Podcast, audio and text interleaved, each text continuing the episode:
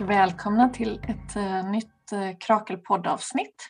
Den här gången sitter jag med Natalia och Annika från Psyket i kapitalismen-cirkeln igen och vi ska prata om en annan av texterna som vi har läst, nämligen Emotions and Consumption av Eva Illouz. Eva Illouz har behandlats i den här podden tidigare, framförallt i avsnittet Kärlekskapitalismen.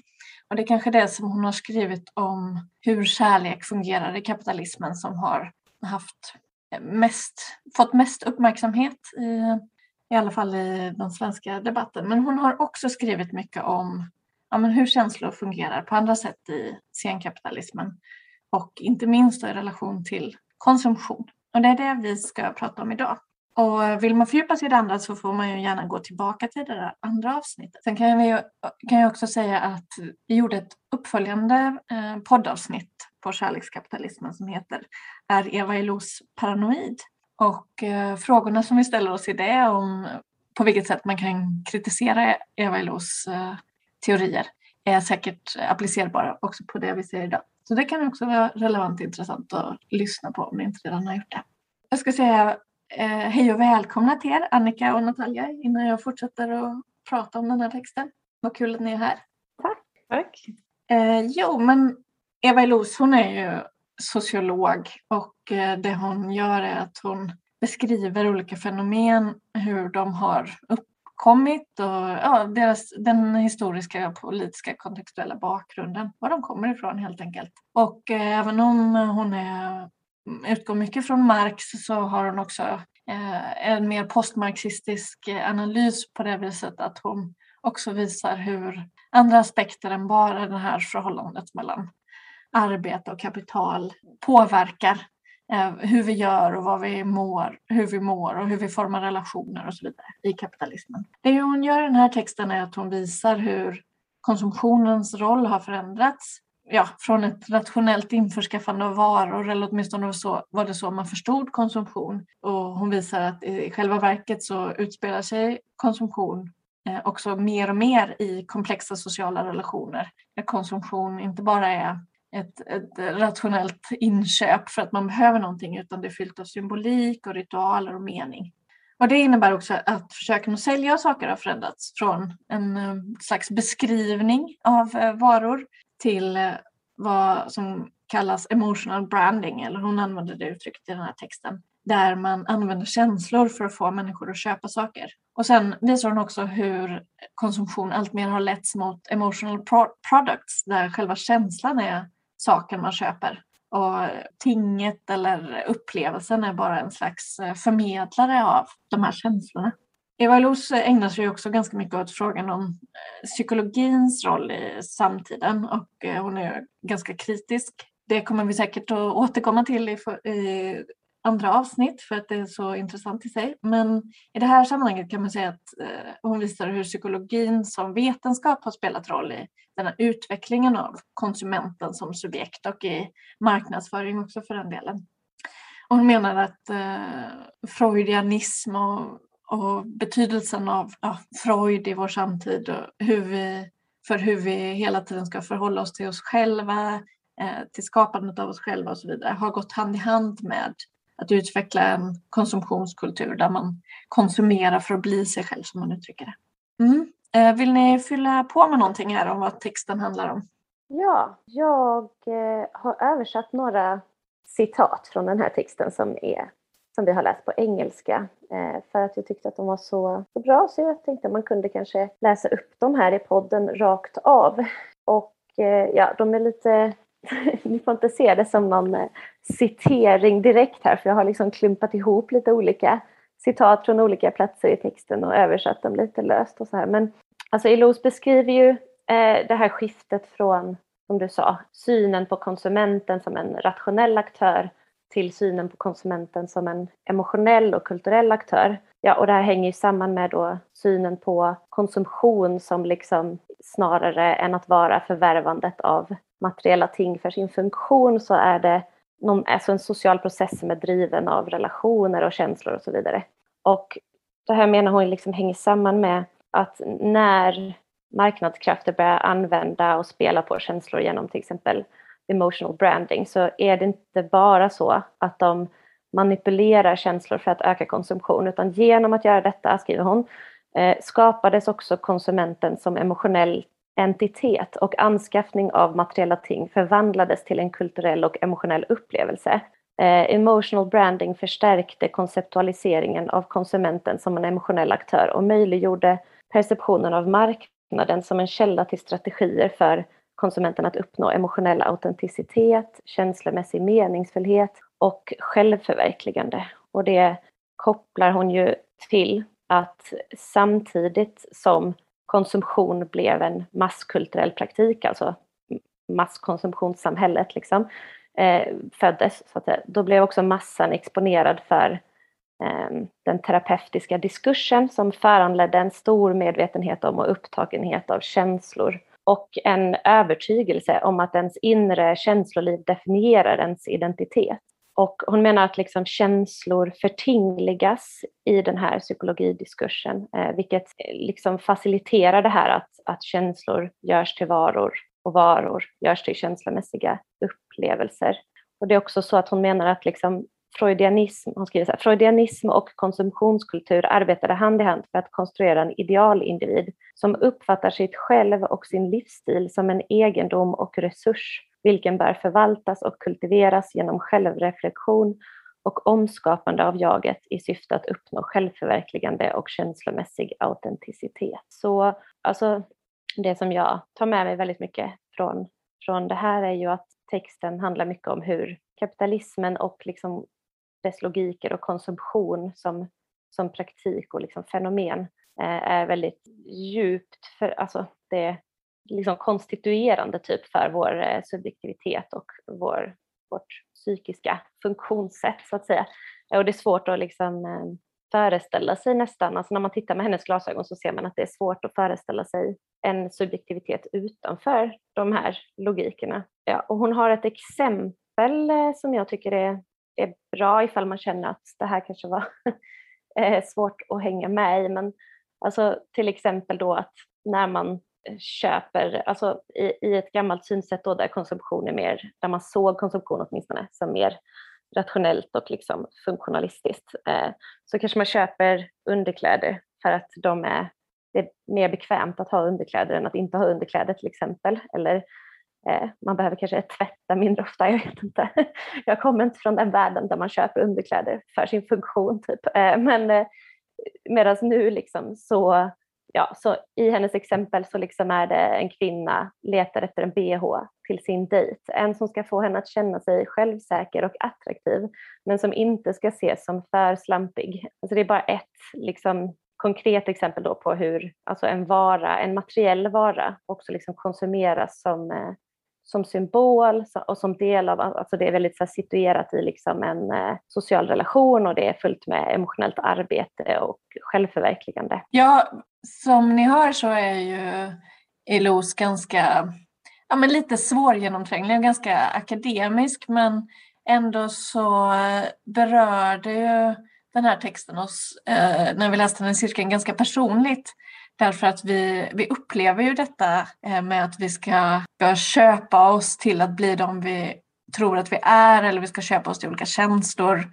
Om man bryter ner det så upplever man det ganska tydligt. Och, eh, jag tänkte ställa frågan, vad, vad kan vi lära oss om oss själva, om vår samtid, våra sätt att förhålla oss till konsumtion av den här texten? Vad tänker du Natalia? Eh, jag kan ju bara svara på vad jag eh, känner att jag har lärt mig. Och min blick har ju öppnats eh, kring att det är nästan som att jag har fastnat på att allting som säljs nu är känslor.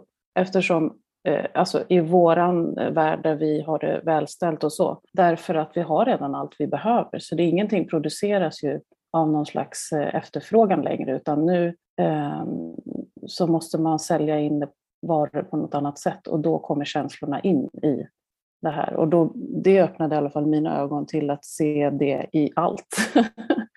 så att jag blir, eh, ja, från hur man lever är jag också sådär, allting blir kopplat till känslor och varor och så.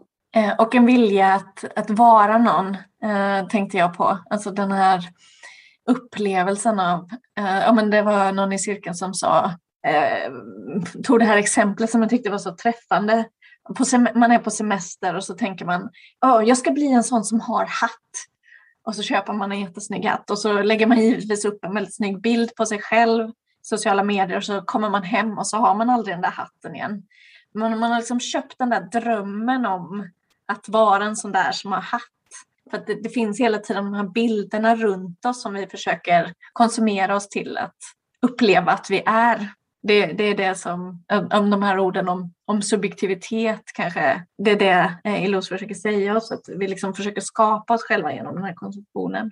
Eh, sen var vi ju inne på ganska mycket också hur, hur detta går runt på det viset som jag lite nämnde nu, att vi köper det, det som hänt de senaste tio åren är att vi köper inte bara för att känna när vi har sakerna på oss eller visar upp dem i våra hem eller så, utan nu eh, är de också en del i skapandet av oss som brands på, eh, i förhållande till sociala medier. Att det inte heller är ovanligt att man kanske köper något bara för att kunna visa upp det på sociala medier. Och på det viset går det liksom går det runt, att vi marknadsför varor genom att visa upp oss själva och det vi köpte i sociala medier. Och sen i sociala medier så jämför vi oss med varandra och sen försöker vi hantera den jämförelsen genom att konsumera. Eh, så att det, det går ytterligare något varv genom detta. Eh, jag skulle vilja säga att, att eh, dagens influenser och sånt har ju jättestor betydelse, eller vad man ska säga, i den här explosionsartade norm, alltså vi, för det första så skapar vi jättesnäva normer och det skapar i, i, för, för säljare så blir det jättebra för att då kan man ju då köpa de här olika stilarna så att du kan vara med i normen, så att du kan vara med i samhället och bli liksom mer accepterad eller eh, du kan köpa en stil som du, som du säger då. då. Ehm, och, eh, eh, också att vi ser hela tiden jämför oss. Alltså, vi kunde inte ens jämföra oss så här mycket förut, utan nu ser vi oss själva till och med alldeles för mycket. säga. Nej, men, ja, det kan man ju tycka vad man vill om, men vi ser ju alla, allas ansikten och våra egna ansikten otroligt mycket mer än vad vi har gjort innan. Så vi kan ju liksom se eh, och skapa problem som inte finns eh, och företag är jättesnabba på att eh, du kan till exempel inte sälja in eh, hudkräm bara för att du har torr hud eller har akne eller någonting annat eh, som är, skapar problem för dig. Utan du måste, de skapar ju ett problem som de har lösningen på. Hela tiden är ju så att du behöver, du behöver, du behöver tutas in att du har ett problem för att de ska kunna sälja in sin produkt. Mm, du får eh, slätare hy, du får eh, bla bla bla, allting det där jag är ju jag själv absolut med brottsling till att köpa en massa hudprodukter men inte fan blir man eh, bättre för det eller på något sätt. Eh, och, eh, och det är ju också en känsla man köper i det.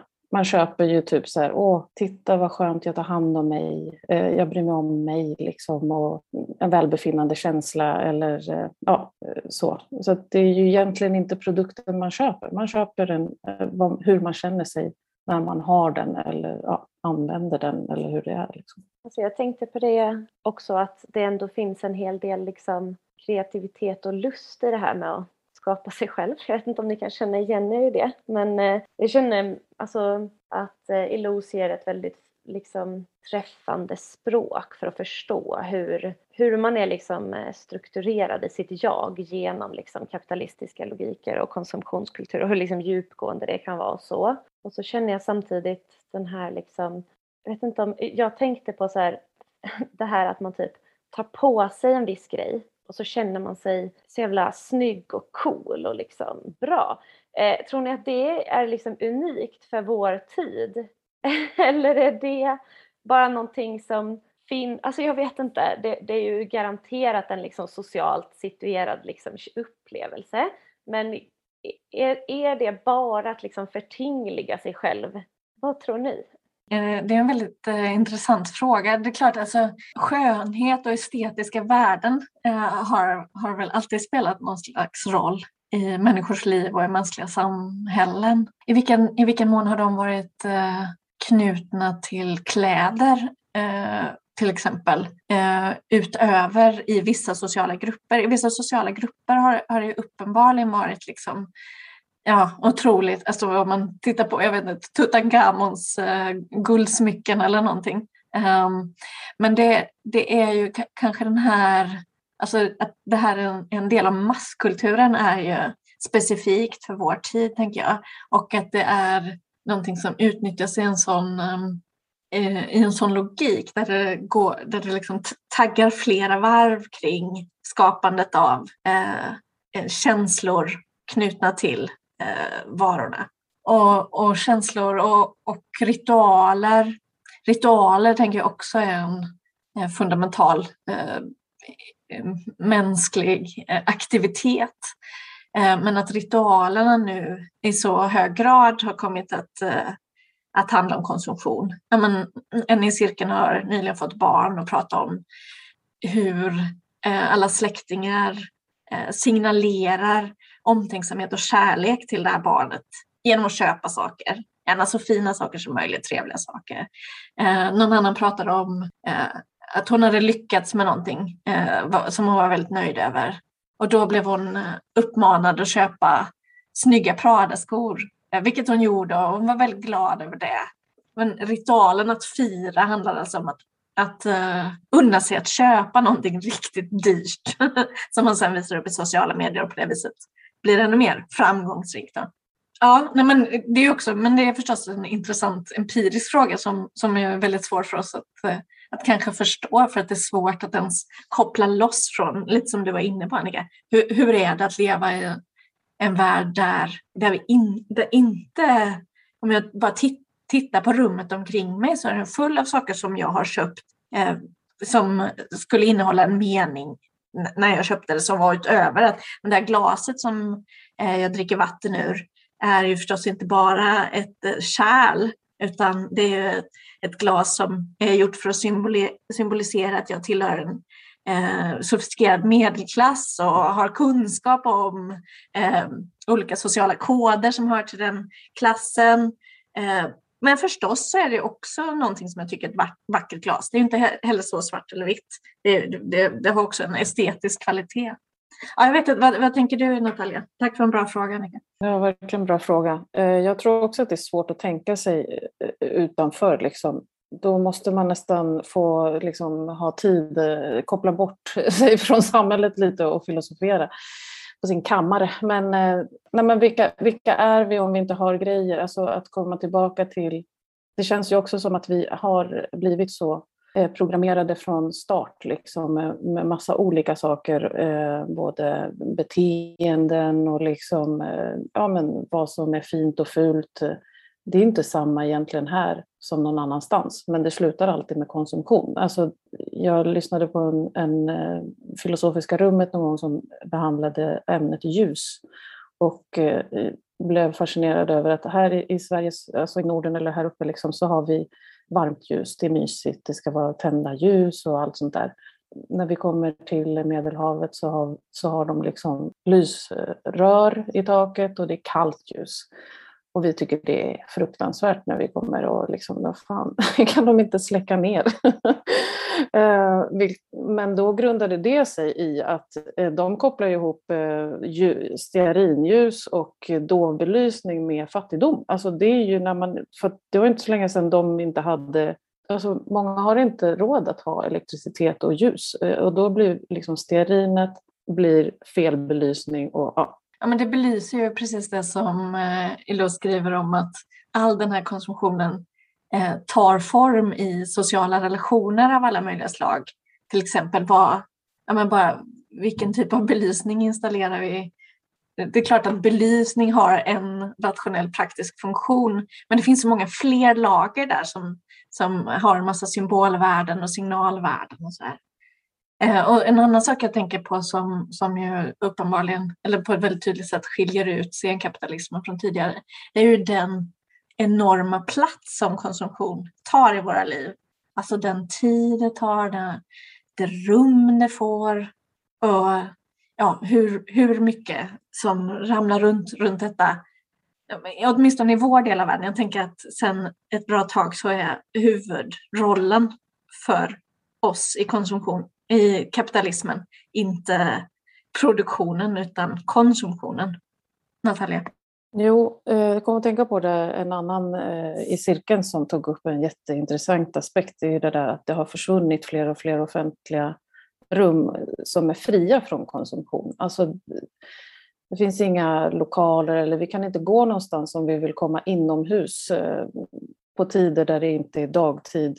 Och på dagtid, vad har vi då? Gallerior, det är konsumtion. Kanske bibliotek skulle väl jag kunna säga är väl någon slags icke-konsumtion. Men de är inte öppna på kvällen eller de är inte kanske ja, när, det, när man är ute och vill bara vara någon annanstans. Så de offentliga rummen har ju verkligen eh, försvunnit eh, och även i de digitala rummen där du kan vara med i olika grupper på olika sammanhang. Ändå så kommer det in reklam. Alltså det kommer in reklam överallt, eh, bara du öppnar din telefon. Så att, eh, det är väldigt svårt att liksom, hitta något som inte är förknippat med konsumtion. Och jag tänkte på en, en poäng som vi var inne på här också är ju det här med eh, som Milou skriver om att nu det är inte bara då att, att eh, vi, vi säljs saker med hjälp av känslor utan också att känslor i själva produkten som vi försöker köpa. Till exempel ett exempel eh, är eh, ja, men den wellnesskultur som finns eh, där ju ja, men, kanske framförallt kvinnor i medelåldern lägger väldigt mycket av sina surt förvärvade slantar på lyxiga spabesök. Det är kanske det, det, det är den främsta unna sig eh, som vi kan ha. Och eh, det är ju förstås förhoppningen om att konsumera en känsla och jag, jag gör själv det. jag älskar att åka på spa. Eh, och så köper jag den där massagen och det ska bli så skönt. Så ligger jag där under massagen och, och känner mig stressad över att jag inte... Jag måste, de här 25 minuterna eh, som någon knådar på min, på min rygg så måste jag ju verkligen uppleva harmoni. Det är ju egentligen det jag betalar för, mer än den här knådningen. Jag måste känna lugn. Jag längtar ju hela tiden efter att eh, känna lugn och harmoni i större utsträckning i mitt liv än vad jag gör. Men jag lyckas liksom inte för att jag, jag ska ju producera en känsla här under den här upplevelsen. Eh, därför att jag har ju betalat så mycket för att få just den här känslan. Jag men, eh, den där, det där har ju retat mig men jag har inte kunnat sätta fingret på det så tydligt som, som eh, jag gjorde när jag läste den här texten. Uh, att det är så, så med ganska många saker som vi, uh, som vi köper, kanske framförallt immateriella, alltså upplevelser som vi betalar för. Att, uh, att vi hoppas att de ska försätta oss i olika känslotillstånd och det, det är det som är själva konsumtionen. Det jag upptäckte var att de här känslorna som du pratar om, de riktar sig in majoritetvis till kvinnor. Alltså i patriarkatet, då bygger det ju på att, att vi, liksom kvinnor, eh, ska förbättra oss, förändra oss, vi har problem, vi ska liksom göra oss rätt på något sätt. Och eh, då blir liksom eh, den största målgruppen av konsumenter överhuvudtaget i den här när vi pratar om känslor och så, tror jag är liksom att, att den riktar sig till kvinnor med, med de här känslobaserade varorna, eller vad man ska säga. Sen finns det ju också statistik på att kvinnor är den största målgruppen av konsumenter överlag. Alltså, ja, om man säger de här vanliga varorna. Ja, man kan se att liksom patriarkatet, patriarkatet hjälper kapitalismen att eh, sälja saker eller kapitalet säljer saker. Eh, samtidigt så förstärker ju det här konsumtionen av identitet som vi hela tiden ägnar oss åt, förstärker ju liksom könsroller eller så. Så det, det är någon slags eh, självförstärkande loop där på många sätt. Eh, ja, det, det är väldigt träffande. Tack. Vi har liksom en fråga här i vår gemensamma eh, spåning som är, ehm, eller det finns eh, två saker egentligen. Ett påstående eh, som är att det finns en illusion om att konsumtion är politiserat. Och sen en fråga om hur vi kan politisera konsumtion. Det tänker jag att vi har gjort jättemycket nu när vi har pratat. Men eh, det jag tänkte på när jag läste det här var eh, begreppet konsumentmakt tänkte jag lite på. Alltså jag vet inte hur det är med er, men jag har, eh, nu, jag har liksom ett konsumtionsmönster som är jätteproblematiskt. Som är liksom, på samhällsnivå är det jätteproblematiskt. Och det är liksom att jag, helt medveten om vad det är jag gör, så köper jag liksom en diskborste i trä och typ en Aleppo-tvål och någon jävla disktrasa i lin. Liksom tvättar mina kläder med några jävla nötter. Alltså ni vet, jag håller på. Jag, jag har liksom deo som inte funkar för att jag ska liksom, alltså, um, jag, alltså och så håller jag på med det här, jag lägger ner jättemycket tid på det och jag vet att det liksom är helt meningslöst. Alltså, det är helt meningslöst och jag vet att um, jag tänker att dels är det här ett problem för att alla kanske inte vet att det är helt meningslöst. Så på det sättet är det som en liksom, eh, appropriering av liksom, vänsterns kritik av typ klimatförstöring och, eh, och sådär. Eh, och också av liksom, mm, slit och slängkultur eller eh, det faktum också att liksom, många varor i kapitalismen inte är så sunda typ för varken människor eller miljö och sådär. Eh, men det blir liksom istället för att det blir någon slags eh, kollektivt politiskt projekt eller alltså en samhällskritik som får eh, bärande kraft bakom sig så blir det liksom att vi alla köper Aleppo-tvål.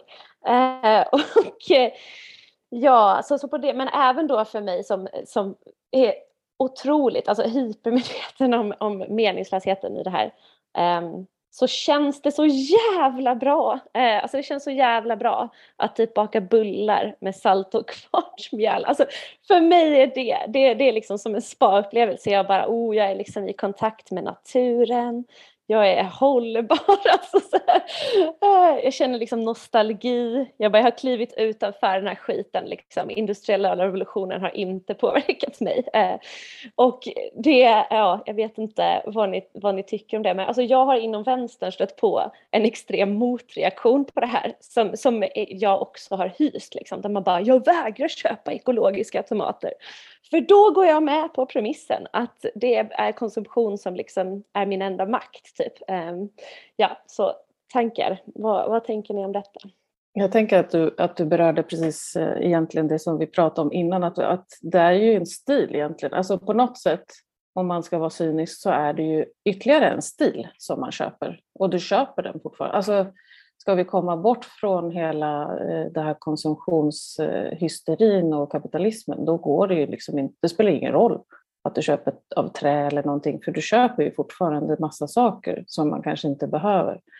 Och det är ju egentligen, alltså, man, man, får ju, man får ju vara lite snäll mot sig själv för att vi är ju i det här systemet, så vi har ju liksom inte jättemycket val. Eh, valet, vad är det? Att vara ute i börsen och odla sina egna mat och vara helt utanför samhället i stort sett. Och det funkar inte jättebra för alla människor, för ja, vi är flockdjur och så vidare. Men, men det är ju, jag, ty, jag tycker att det här är ytterligare ett ben av kapitalismen som eh, när alla behov är då tillfredsställda så måste man ju då bygga ut och då blir det i stilar, i känslor. Alltså en stil är ju också en känsla, eller det, är liksom, det hör ihop på något sätt. Så det blir, eh, men, eh, men jag gör likadant. Alltså det är klart att, eller ja, jag kanske inte eh, tvättar mina kläder med nötter, men det skulle kunna bli, vara så.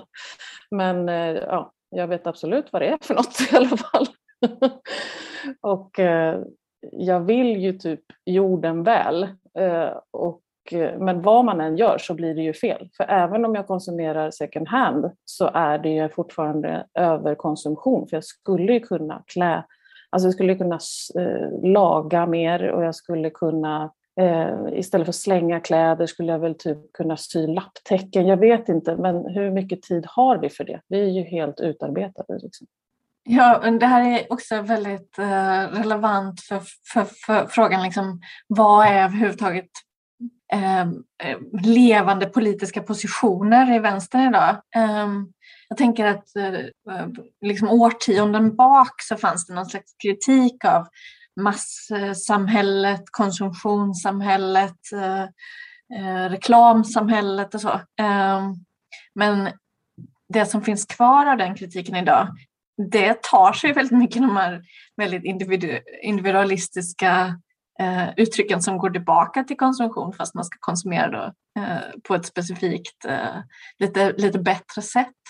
Ehm, och att eh, ja, men jag tycker verkligen att här finns någonting som, som behöver politiseras och som jag tror att om vi gjorde det mer, om vi liksom öppnade detta mer, att det här är någonting som vi lider av.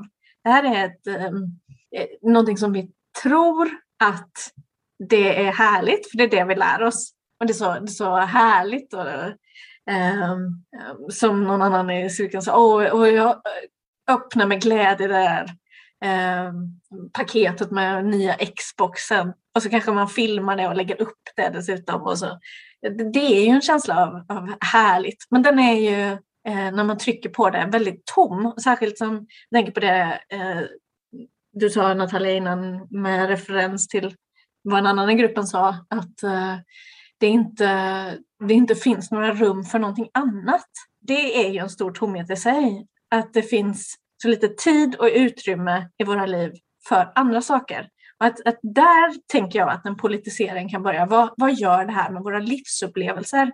Och det är inte bara då eh, som individer utan eh, det här måste vi politisera som kollektiv. Vad är det att leva i det här samhället?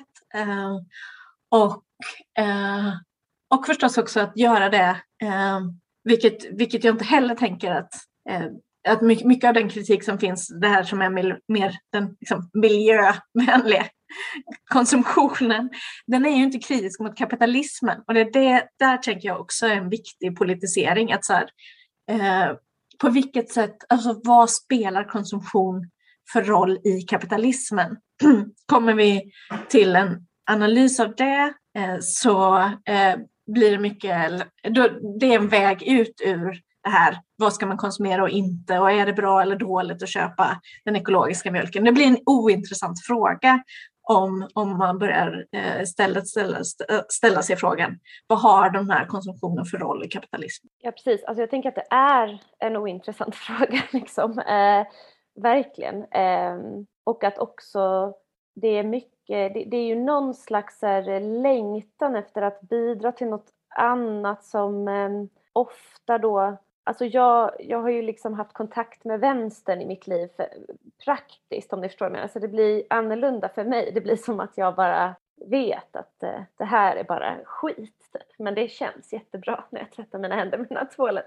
Eh, det lindrar typ mitt lidande fast att det är en illusion. Liksom. Eh, men jag tänker att för jättemånga människor som inte har kontakt med vänstern på det sättet så är det som att deras längtan efter att liksom göra något, alltså bidra till en förändring blir ju en approprierad av marknadskrafter. Och det, det tänker jag att man borde försöka eh, bryta eller liksom ta tillbaka den här, det här begäret liksom efter att eh, en, en annan typ av liksom värld där det inte finns jättemycket PFAS i dricksvattnet och där inte någon har dött för att man ska få en t-shirt. Liksom. Alltså, eh, ja. alltså jag tänker också att eh, eh en kritik som finns mot ILOs i allmänhet eh, där är hon paranoid.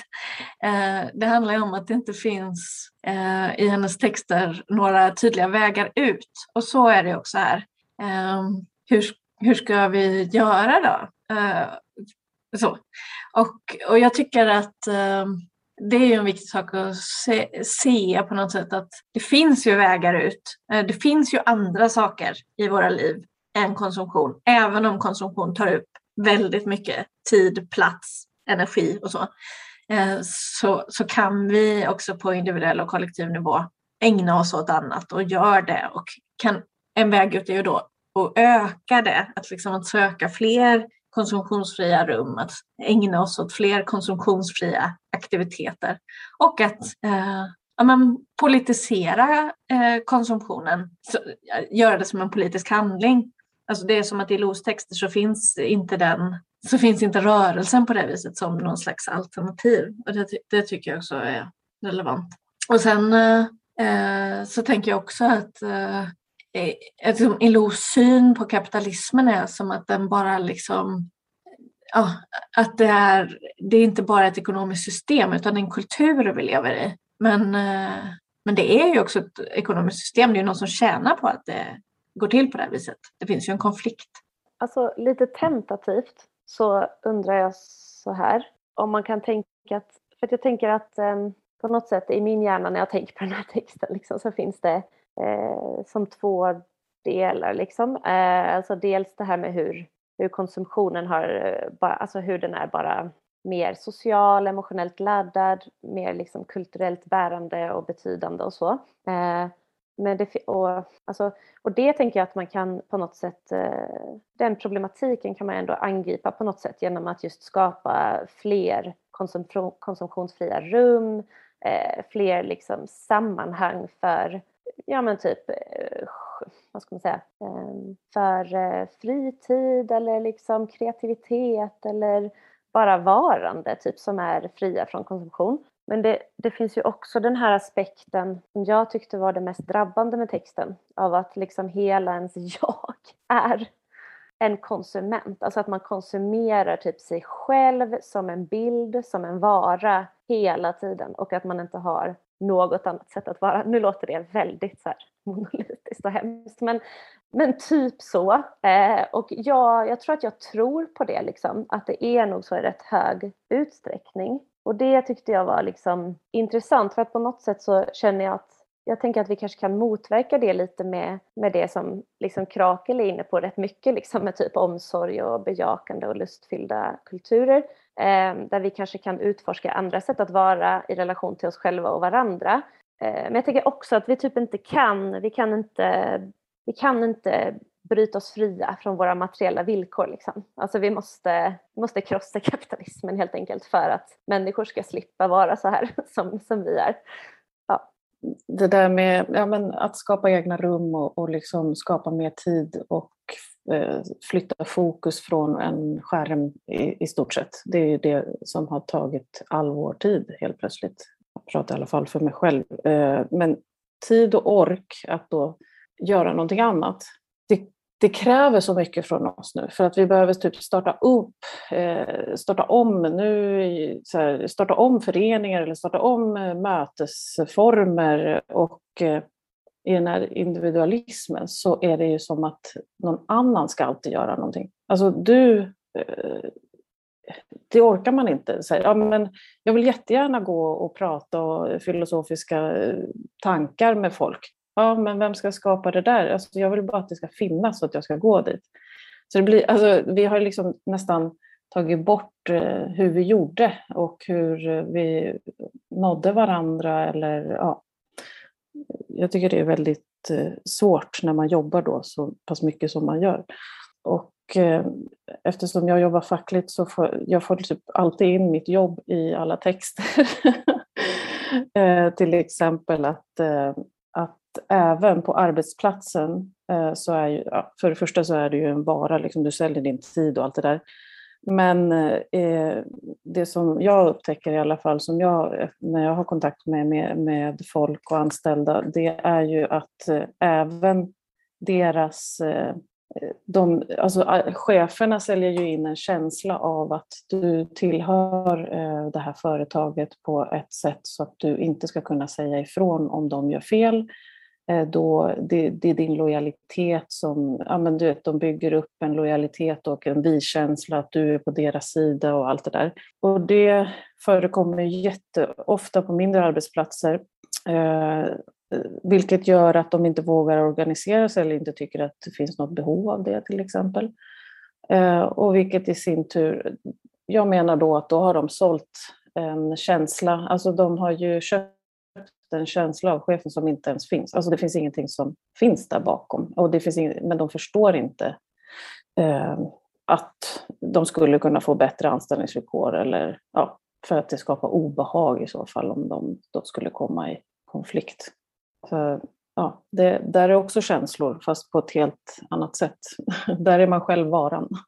Ja, men det, det sätter fingret på det här som eh, skriver om emotionaliseringen av eh, ekonomiska processer att i alla led i kapitalismen, i, uh, i, i, i, våra, och i, i, all subjektivitet i våra liv som arbetare, i våra liv som uh, konsumenter, i våra relationer med varandra, uh, så kommer så, så, så, så, skapar vi oss själva som, som brands. vi försöker skapa en bild av vilka vi är och vi försöker vara, ja, vara någon um, i förhållande till det. Och, eh, uh, ja, nej, men jag tycker att, uh, att det är träffande också uh, för att det handlar så mycket om den här brandingen av sig själv. Att man inte kan vara obekväm. Det finns inget sätt att liksom vara i, i motstånd mot det här systemet. För, eller det finns få platser att vara det på. Eh, för att man måste ju hela tiden ändå upprätthålla bilden av sig själv så att man själv fortfarande är, är attraktiv eh, på ja, men alla de olika sorters marknader som finns. Och sen tänkte jag också på det som, som du var inne på Natalia om, eh, om skärmar. Eh, jag tycker verkligen att det är en politisk handling, eller ett, ett första steg för att möjliggöra politisk handling kanske. Att eh, man inte är så aktiv eh, på sociala medier med att försöka skapa sig själv där. För då, då blir man så fast. Det, det här um, skogspromenaden där man har ett filosofiskt samtal. Eh, har den riktigt ägt rum ifall man inte också dokumenterar och visar upp eh, som en del av bilden av sig själv att man är en sån som går på skogspromenader med eh, och har filosofiska samtal. Eh, och så helt plötsligt så är, är det där med i den där logiken köp och sälj, konsumtionsidentitet, logiken ändå. Eh, och, och på det viset så, alltså sociala medier är en plats där vi inte kan vara i motstånd mot det här systemet för att vi blir så fångade av, av dess logiker.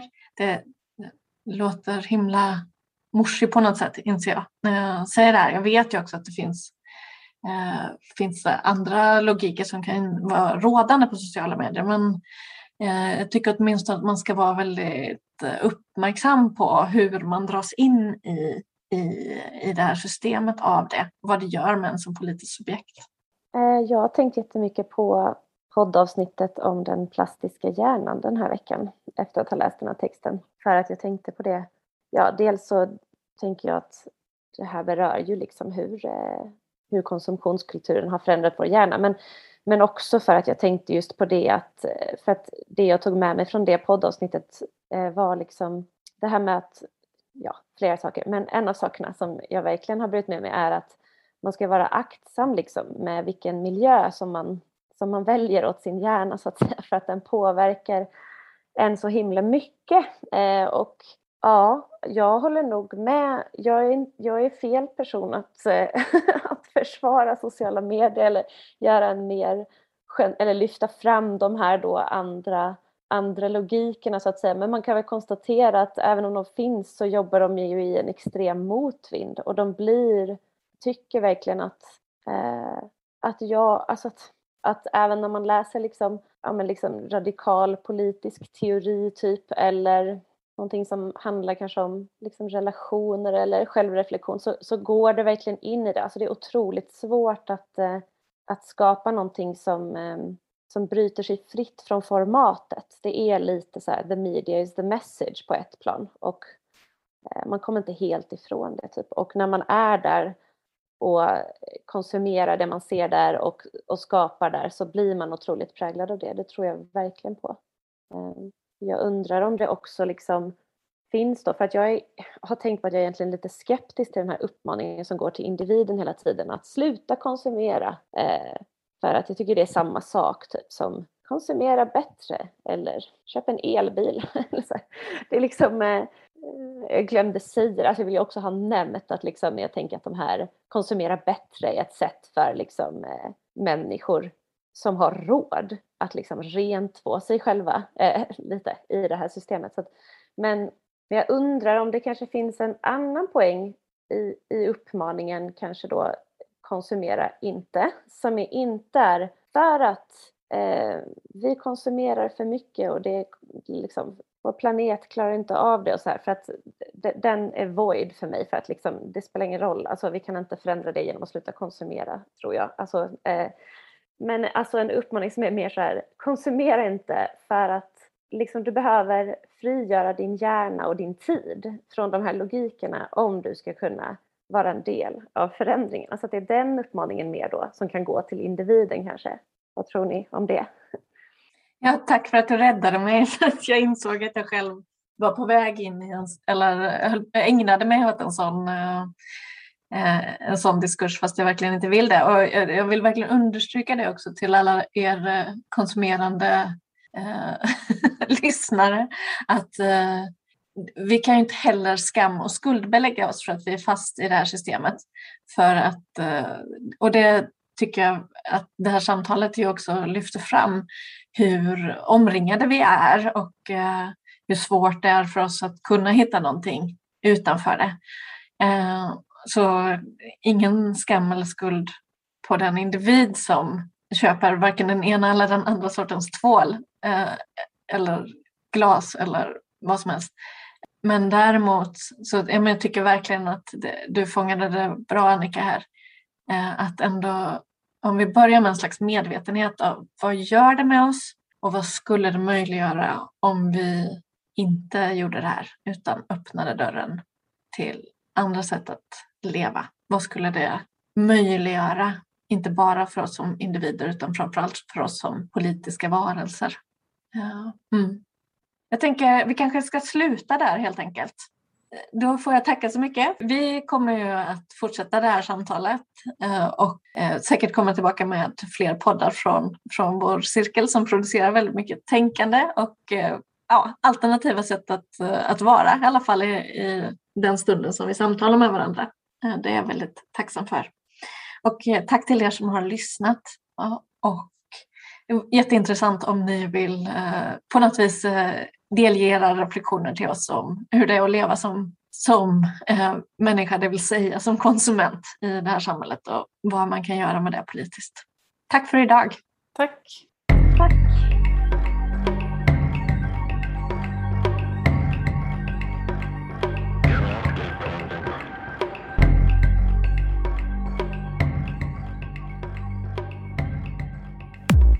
Du har lyssnat på en podcast som görs i samarbete med ABF Malmö.